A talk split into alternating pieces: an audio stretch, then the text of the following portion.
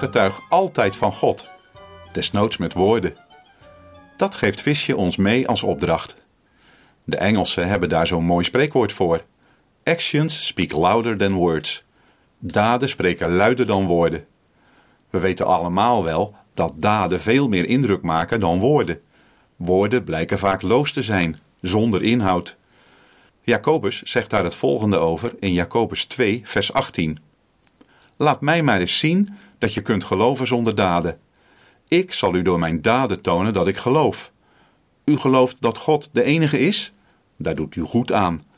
Maar de demonen geloven dat ook en ze sidderen. Nee, daden getuigen meer van Gods liefde dan de woorden over Hem. En die daden komen vanzelf als je je laat leiden door Gods liefde. Hij wijst je daarin wel de weg.